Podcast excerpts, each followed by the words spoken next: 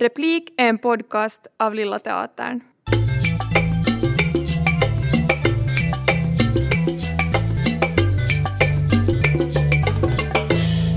Så välkomna till eh, Lilla Teaterns eh, replikpodcast, första delen för säsongen. Och idag ska vi titta fram emot spelår eh, hösten 2021 och titta lite på pjäserna och de här konstiga omständigheterna som vi fortfarande lever under. Med mig har jag Jakob Höglund, regissör och konstnärlig ledare för Lilla Teatern och uh, även regissör vid Stadsteatern alltså. Och Andrea Reuter, producent och moderator och även jobbat för Replik tidigare. Så välkomna båda två. Tack så mycket. Tack. Uh, vi börjar lite lätt här. Hur, hur känns sommaren? Har det varit bra? Ja, alltså jag har haft en jättebra sommar. Jag lyckades vara ledig ganska många veckor och byggde ut ett tupp med min bror och gjorde massa sådant som gör att man kommer liksom bort från det där jobbtänket och också bort från situationen som, som är nu här med, som vi säkert kommer att diskutera mera kring. Men jag känner mig eh, jättepeppad och energisk inför en, en rolig höst. Skönt, trots att det, det öser ner där ute. Men Jakob, hur mår du? Uh, jo, jag mår, alltså för tillfället är jag väldigt trött, för vi är ju precis nu en vecka innan premiär med Så som i himlen, men absolut, sommaren var jätteskön och det var igen en jättespeciell sommar, för det har liksom aldrig varit bättre väder. Det var min första egentligen liksom hela sommar jag har spenderat i Helsingfors, för man kunde ju inte direkt resa någonstans, så jag har verkligen tagit ut mycket av Helsingfors och njutit av staden här. Samtidigt kan jag nog säga att eh, eftersom vi var mitt i musikalrepen så har det varit musikalen lämnade inte mig helt under sommaren utan jag tänkte ganska mycket på den och funderade hur jag kunde ta den ännu ett steg längre under sommaren. När har du kommit tillbaka på jobb här och hur länge har ni varit? Uh, officiellt så började vi repetera för cirka två veckor sedan tog vi upp uh, repetitionerna på musikalen igen. Och det är Niin kuin taivassa du talar om då? Som. Det är kuin taivassa, så som i himlen, som jag gör på stora scenen här på Stadsteatern, som har premiär om exakt uh, en vecka. Ja, det kan hända när det här kommer ut så är det till och med kortare än en vecka, men den 26 augusti. Pirrigt.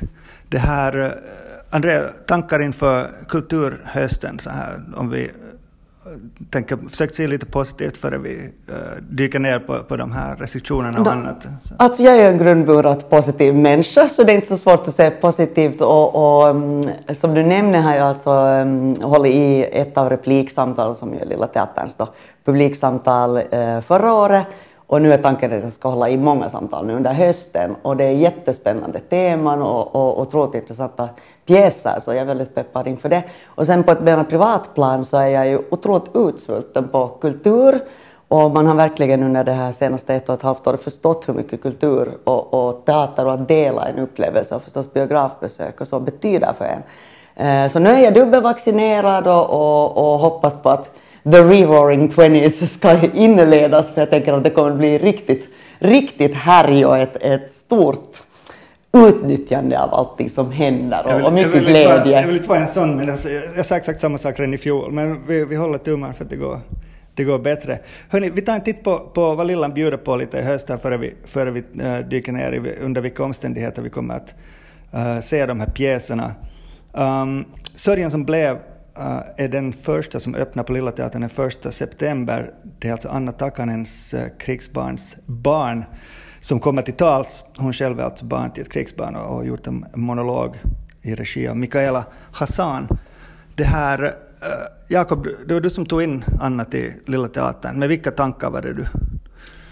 Uh, no, Anna kom till mig med den här, med den här boken och, och hade redan en idé om att, om att hon skulle vilja göra den här boken som en pjäs och att hon ville framföra den själv. Och jag läste den här boken och blev otroligt berörd över, över hela hennes uh, familjs uh, liksom resa och öde och hur den här berättelsen faktiskt är en berättelse om två länder. Och sen då att få göra ett samarbete just mellan, nu har det blivit tre teatrar, så att det är ett samarbete mellan Östgötateatern i Sverige och Riksteatern i Sverige och Lilla Teatern. Eh, så att jag tyckte det var ett otroligt fint projekt att göra ett, eh, ett samarbete med. Men framför allt så tyckte jag att, att eh, jag blev genast otroligt intresserad av att det var Anna själv som ville berätta den här berättelsen. Och, och tyckte att det var en bra grej helt enkelt. Vi kan ju säga om Anna Takanen att hon har en lång erfarenhet av att vara teaterchef, åtminstone och skådespelare sedan, sedan länge, men första gången hon står på scen i Finland nu. Ja, det är det. Uh, och det är ju jätteroligt. Hon är ju otroligt uh, välkänd i Sverige, har varit teaterchef både för Stockholms stadsteater och, och Göteborgs stadsteater och jobbar både som regissör men är också väldigt erkänd skådespelare i Sverige. Så att det är jätteroligt att vi får Lite, lite mer okänd i Finland, men ett, eh, men ett Än så länge. Än så länge. Än så länge, men hon har ändå fått äh, presidentens, äh, vad heter priset som hon har fått? Var det någon riddarutnämning? Äh, Riddarorden eller någonting för, för sitt arbete med, med, med krigsbarn. Och, att, och kulturen över gränserna. Mm. Och jag, är, jag ser jättemycket fram emot den pjäsen. Jag känner ju till Anna jättebra för jag har ju bott i Sverige då i 20 år och så har jag också träffat ja, henne. Hur ser man på henne där? Berätta om det. Där. Uh, hon, är, hon är väldigt uppskattad och, och känd som Jakob sa och sen uh, eftersom jag är finländare och bodde i Sverige så var, jag hade också ett radioprogram på Sisu Radio som är den finskspråkiga kanalen som, som Sveriges Radio har. Och, och då hamnar man liksom i kärnan av den Sverigefinska communityn.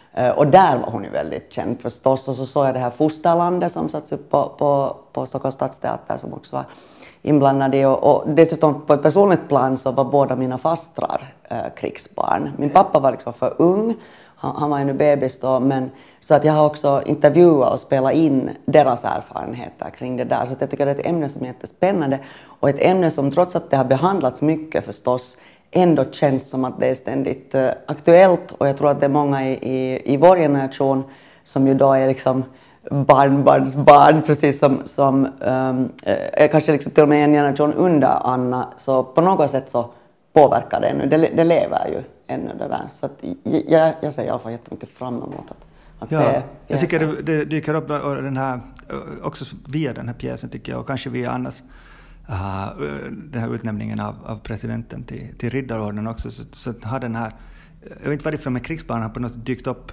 i, i, i sam, samhällets samtal mer än någonsin. Och, och det har dykt, dykt upp människor som, som liksom visar sig att de kanske inte ens visste att de hade en sån här eh, berättelse i familjen. Och, och, och det här, vi såg ju också att det är en av de mest omtyckta sommarpratarna på Vega var, var Stina Colliander Engblom som själva och berätta om det. Och det var alltså lyssnarnas önskemål. Så det finns någonting i luften känner jag, att är det dags för Finland att ta itu med den här frågan nu och liksom på, ett, på ett nytt sätt. Och, och det är ju galet när man tänker på det. Det var 80 000 barn och, och vad jag har förstått är det den största eh, förflyttningen av barn någonsin.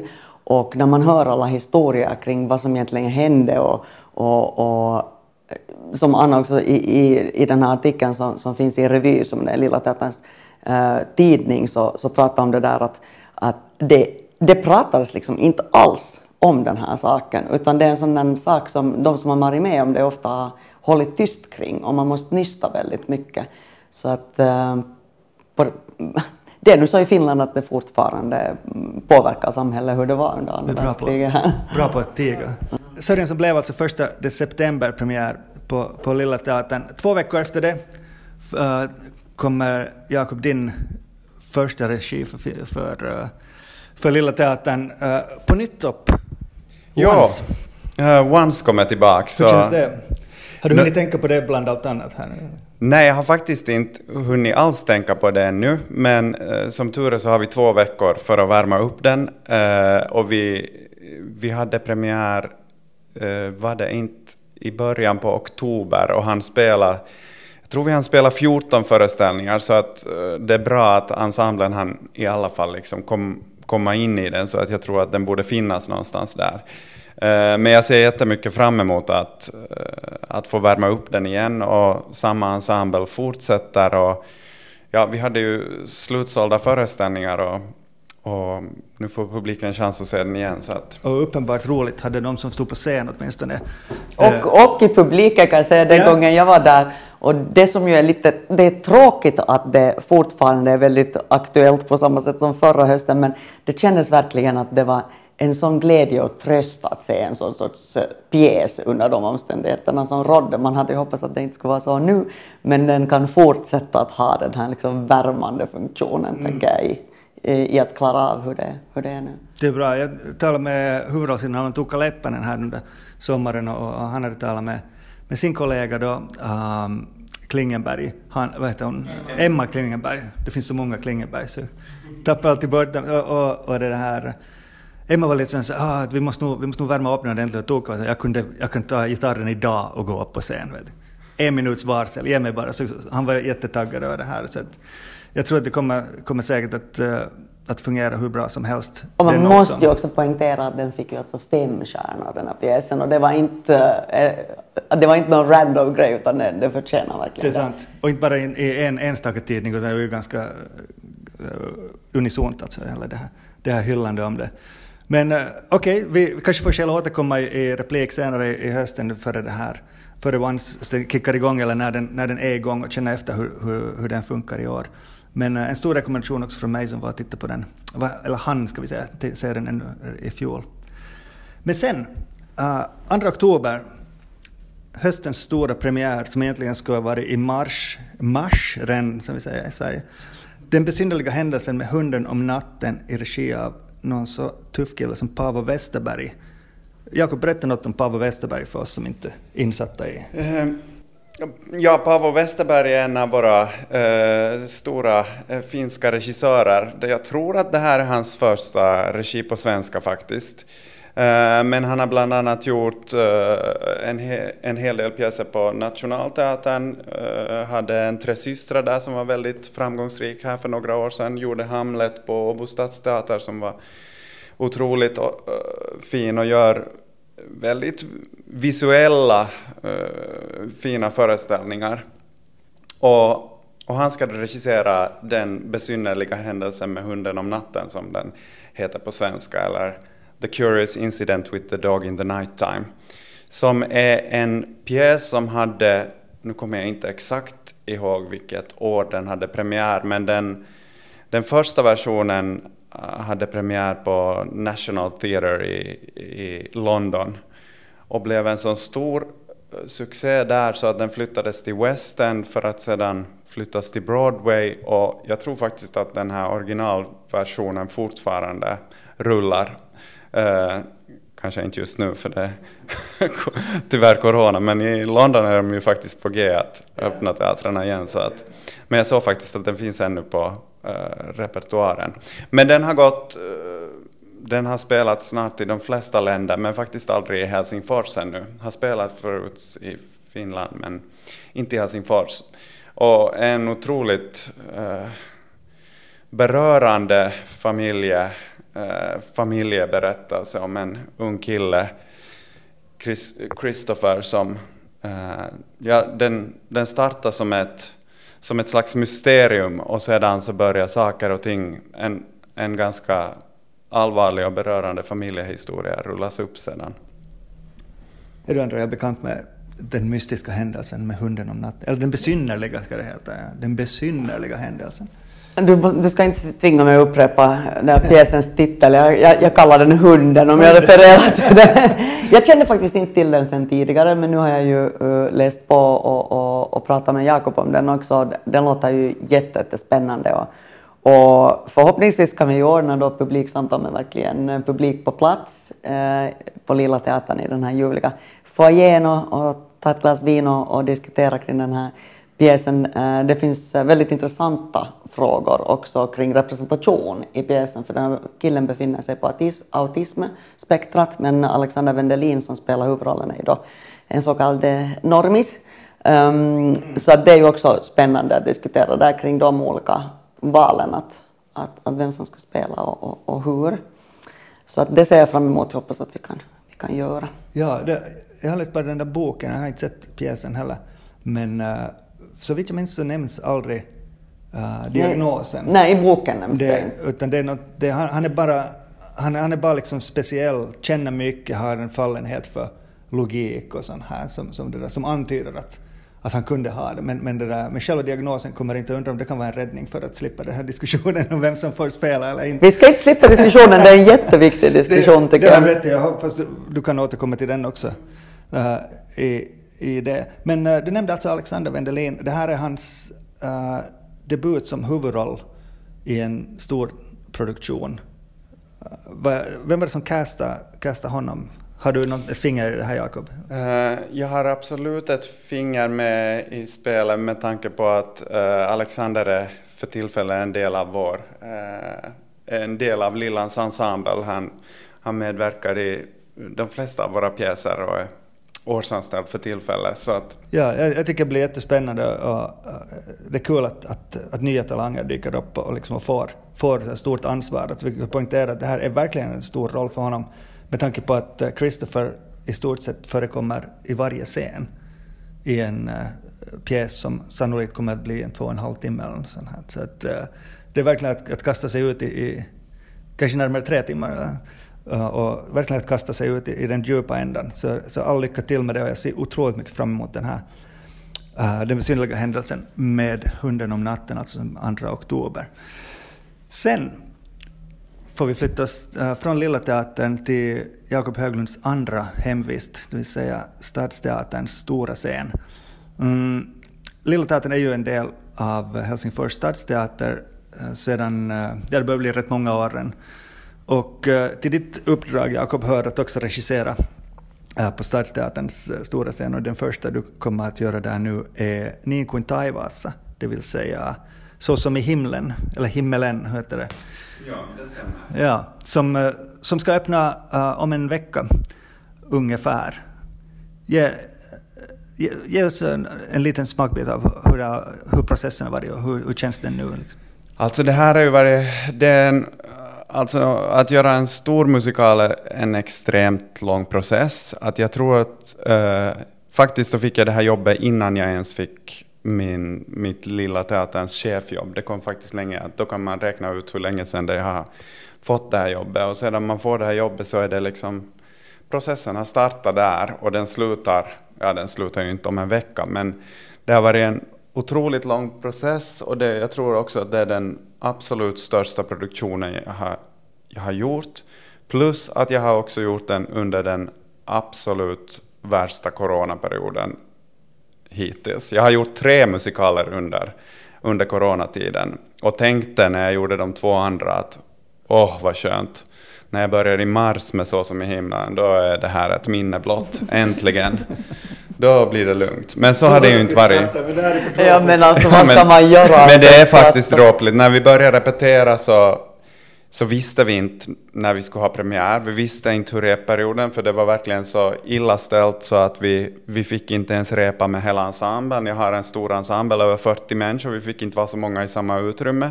Så jag repade i små grupper. I något skede tog vi också faktiskt en paus, för läget var så illa så att vi tog, uh, vad var det, två eller tre veckor paus. Men så lyckades vi ta oss igenom våren, men uh, fortfarande så har jag bara repat sett skådespelarna en vecka, så jag har repat med skådespelarna i mask. Eh, så man har lärt sig eh, se folks uttryck bara via, via ögonen och kroppen. Och det går faktiskt ganska bra, man vänjer sig vid det. Men i något skede när man kommer in på stora scenen, det är ju en enorm scen, så måste jag säga att man börjar liksom tvivla på allt.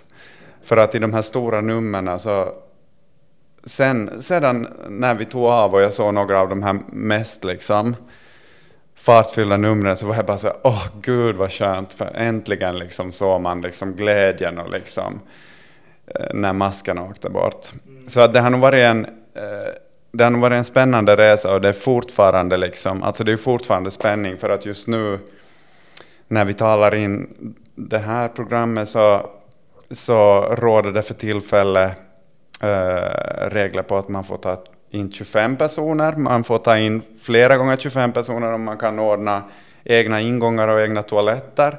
Men, eh, men alltså hela tiden, alltså man kan inte, jag kan säga bara för mig själv att man kan inte repa en, en så här stor musikal och tänka att det kanske inte blir någon premiär.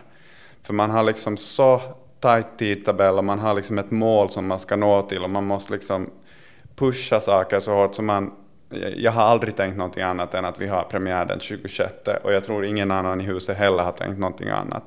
Utan premiären har vi den 26. Förhoppningsvis får vi ta in väldigt mycket publik. Får vi ta in lite mindre publik så, så är det ingenting det heller, men spela, det ska vi göra. Spela bör man. Annars dör man. Ja, så är det ju faktiskt. Och, och kanske, kanske eh, det är inte en jättestor överdrift. Det är ju någonting som, som dör i oss när vi inte upplever kultur, Andrea. Mm. Ja, alltså det är så mycket min, eh, alltså lite så livslust men också ens uppfattning av, eh, av tid och, och minne är liksom helt förstörd. Och sen, jag är en mm, person, eh, liksom, hur jag är byggd, att jag väldigt mycket ser fram emot saker och ser framåt och tycker om att liksom planera och, och, och ja, att ha saker att, att vänta på. Och det är väldigt svårt att inte kunna veta att man verkligen kommer att få ta del av olika kulturyttringar. Ja. Um, Har du funderat på den här vad ska jag säga, psykologiska aspekten av att, av att inte uppleva liksom levande, levande kultur? För jag försökt ägna det lite, det, det, känns, det känns som om någonting det är lite som att vara i ett fängelse. Man vänjer väl sig liksom. Ja. Man kan vänja sig med vad som helst. Man kan ju vänja sig med vad som helst liksom, men det är inget kul. nej, och det, det, är också någonting som, som jag kan tänka är ganska ohälsosamt. Uh, just med tanke på, på liksom att med, med allt elände och sånt här. Borde, borde inte kulturen liksom få en satsning? Och få en chans att visa att, att, att, liksom, att det kan ha en folkhälsoinverkan också? Eller? Och, jag, och jag var med på den här demonstrationen i, i början av sommaren mot, Oj, den, den är rågat. Ja, den här alla var svartklädda och stod utanför riksdagshuset och då stod alla politiska partier där och sa hur mycket de bryr sig om kulturen och det tycker jag nog inte att de har visat i um, i bestämmelserna som, som har kommit. Nu kan det ju vara förhoppningsvis att det kommer några specialbestämmelser för teatrar och, och, biografer och jag är, väldigt, jag är personligen väldigt arg över situationen eftersom eh, förra hösten så var ju både teatrar och, och biografer öppna. Jag menar, jag var ju och tittade på Once och jag var och tittade på Cabaret, Jakobs andra musikal i, i Åbo och sen också i egenskap av, av producent för Tove-filmen om Tove Jansson så hade jag ju en film som gick på bio. Vi fick över 160 000 besök under hösten. Um, inte en enda smittkälla var från, från biograferna. Det funkade alldeles utmärkt med att, att det var lediga platser mellan sällskap och att folk hade på sig munskydd. Um, så jag förstår bara inte hur, hur man tänker när man inte inför att det ska vara samma sorts regler. Dessutom är ju 70 procent av någonting vaccinerade nu. Så att, att det är ju inte samma situation som det var förra hösten, utan det är ju en bättre situation, men ändå kommer det inga specialregler för kulturen. Det tycker jag verkligen visar att man inte bryr sig om kulturen och inte förstår vikten och betydelsen av kultur. Det är ganska hårda ord. Att, ja. Äh, men äh, kanske... men alltså det, jag står helt bakom de orden för att jag är, jag är på ren finlandssvenska skulle jag säga ett ord som börjar på F, men nu säger jag att jag är väldigt arg. Hörru Jakob, eh, du behöver inte svara på det här, men, men har ni haft alltså någon dialog med beslutsfattarna som, som, som det här? Och, och, och, har ni fått en röst hörd från teatern gentemot politiker och, och regionalförvaltningsverken? Absolut så pågår det en dialog och vi, vi verkligen eh, tror och tänker att det kommer att komma beslut så att vi kommer att få spela. Eh, och jag ser ingen annan möjlighet faktiskt, utan vi måste komma igång och spela nu. Vi kan inte liksom vara stängda en höst till. Det går inte. Eh, och, och framför allt liksom, som konstnär så känner jag liksom att jag, jag har inte lust att göra några flera föreställningar om, om, inte, om inte de får gå till publik. Alltså alla teatrar har, vi har bara gjort föreställningar under hela tiden så alla teatrar har alldeles för många föreställningar. Det är liksom, det måste liksom, nu måste vi få visa vad vi har gjort. Det är ingen vits att vi håller på och gör föreställningar i onödan. Nu, nu är det dags att släppa in publiken. Och så är det ju helt fruktansvärt eh, hur många det är som verkar inom kulturfältet som lider. Och speciellt förstås då frilansande skådisar men också alla andra som frilansar i, i tekniken bakom och så vidare. De, de, de flesta är ju verksamma utanför institutionsteatrar. Um, och jag menar försök nu själv att eh, leva en månad utan några inkomster och nu har det blivit ett och ett halvt år som, som man inte kan utföra sitt jobb. Och jag jobbar också med kulturproduktion och evenemangs, eh, ordnande av e-, evenemang. Eh, men jag har ändå liksom ett jobb med månadslön, vilket jag är tacksam och glad över varje dag. Men jag har svårt att hitta den där lusten och kreativiteten i mitt eget arbete. Och hur svårt är det inte då om man är en, en konstnär som inte får göra det och som inte heller får några inkomster.